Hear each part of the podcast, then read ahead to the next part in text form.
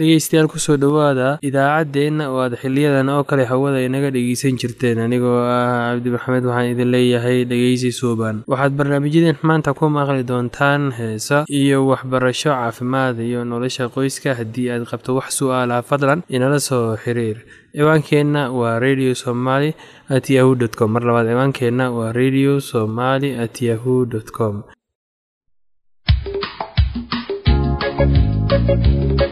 Música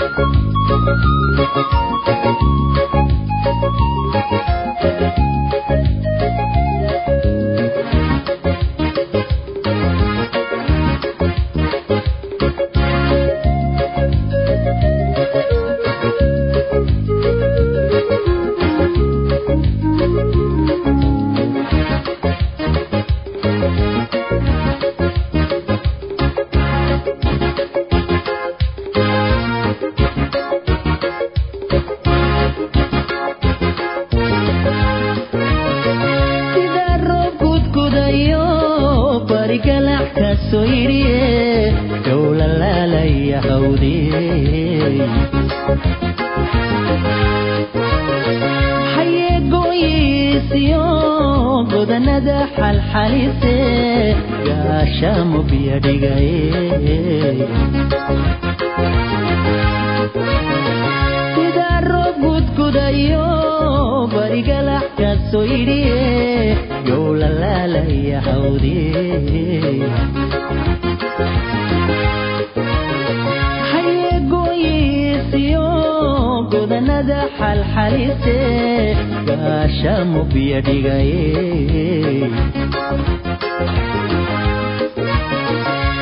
kibladiyo cayaaraha dhallinyara iskuratay gogosuboode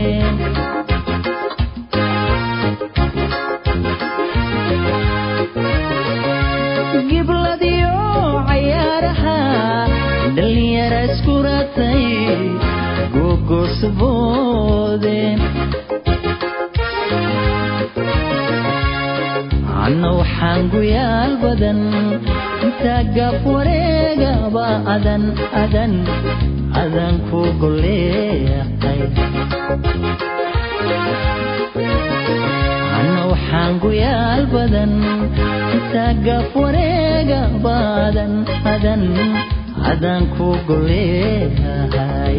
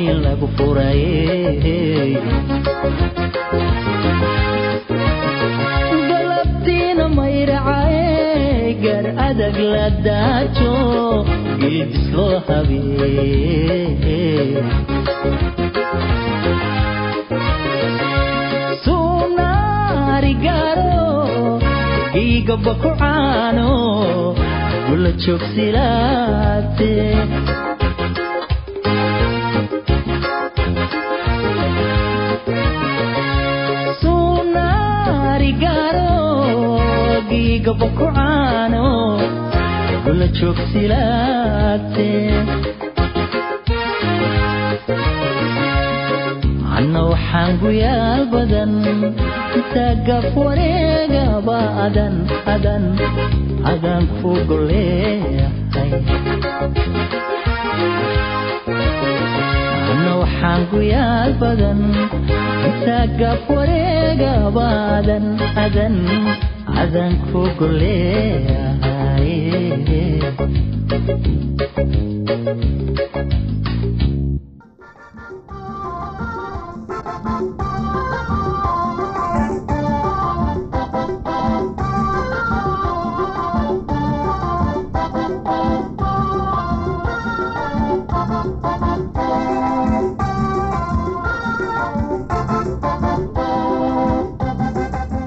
dhegeystayaasheena qiimaha iyo qadarinta mudanu waxaad ku soo dhawaataan barnaamijkeenii caafimaadka oo aynu kaga hadlaynay la noolaanta dadka qaba aidiska mowduuceena maanta wuxuu ku saabsan yahay caadooyinka. Caadooyinka dhaqanka ah qaarkood waxay noqdeen halis h i v-ga awgiis. Caado kasta oo abuuri karta in lala yeesho galmood hal qof wixii ka badan waa halis. Caado kasta oo kalifi karta in la wadaago waxyaabaha ay ka mid yihiin mindida sakiinta iyo wixii la mid ah iyaguna waa halis. Caadooyinka halista ah waxaa ka mid ah xaas qaybsasho iyo dumaasha. Gudniinka la isticmaalo mindiyo ama sakiimo aan jeermi laga safayn. Toobid la isticmaalo mindiyo ama sakiimo aan jeermi iyagana laga safayn. Ma ogaan kartid kan qaba h i v. H i v waa laga helaa tuulooyinka iyo magaalooyinka haddaba waxaa badbaado ah in la diido caadooyinkaas aan soo sheegnay. Dadka qaarkiis waxay aaminsan yihiin in koodii xanuunka soo horrido inuu yahay kan infekshanku ku hordhacay arrintani ma aha run haweenka ayuu xanuunku soo horridaa maxaa wacay? Uurka wuxuu iyagu ka dhigaa daciif tani micnaheeda ma aha inuu iyaga infekshanku ku hordhacay runtii waa dabiici in laga fikiro qofka keenay infekshanka h i v-ga laakiinse ka hadalkiisa iyo ka fikirkiisaba badi wuxuu sababaa xanuun badan. Waxaa caawimo badan leh in la isa saamaxo in la istaageero in mustaqbalka la qorsheysto inaad caruurtiina daryeeshaan iyo inaad farxad ku wada noolaataan maalmaha nolosha idinkaga harsan. Dadka qaba h i v ama idis qaarkood waxay rabaan inay ku laabtaan deegaankooda. Waxaa laga yaabaa inay ka heli karaan cunto wanaagsan. Qoyskooda ballaarani wuxuu u suurtagelin daryeelid dheeri ah oo aysan ka heli karin marka ay magaalo joogaan. Laakiinse dadka qaba h i v ama idiska qaarkood ma rabaan inay dib ugu noqdaan tuulooyinkooda waayo qaraabadooda tuulada ku nool ayaa sabool ahaan kara. Dadka qaba h i v ama idis waa in loo fasaxo inay iyaga ahaantooda gaaraan go'aan hadday u laaban lahaayeen tuulada iyo haddii kaleba aada ayay u wanaagsan tahay haddii iyagu go'aansadaan. Inta ay ahaan lahayd go'aan ka yimid nimankooda hadday dumar la qabo yihiin. Derisyadu waa u gargaari karaan qoys idis qaba laanqeyrta cas dumarka dhalinyarada iyo kuwa isku bahaystay diinta. Waxay ku dhaqaaqi karaan inay caawimo u geystaan dadka qaba h i v-ga ama idiska maxay sameyn karaan dadka gargaaraya? Biyey soo aroori karaan suuqay aadi karaan cunto ayay karin karaan ilmaha ayay u daryeeri karaan guryahay ka nadiifin karaan dharkana way u meyri karaan.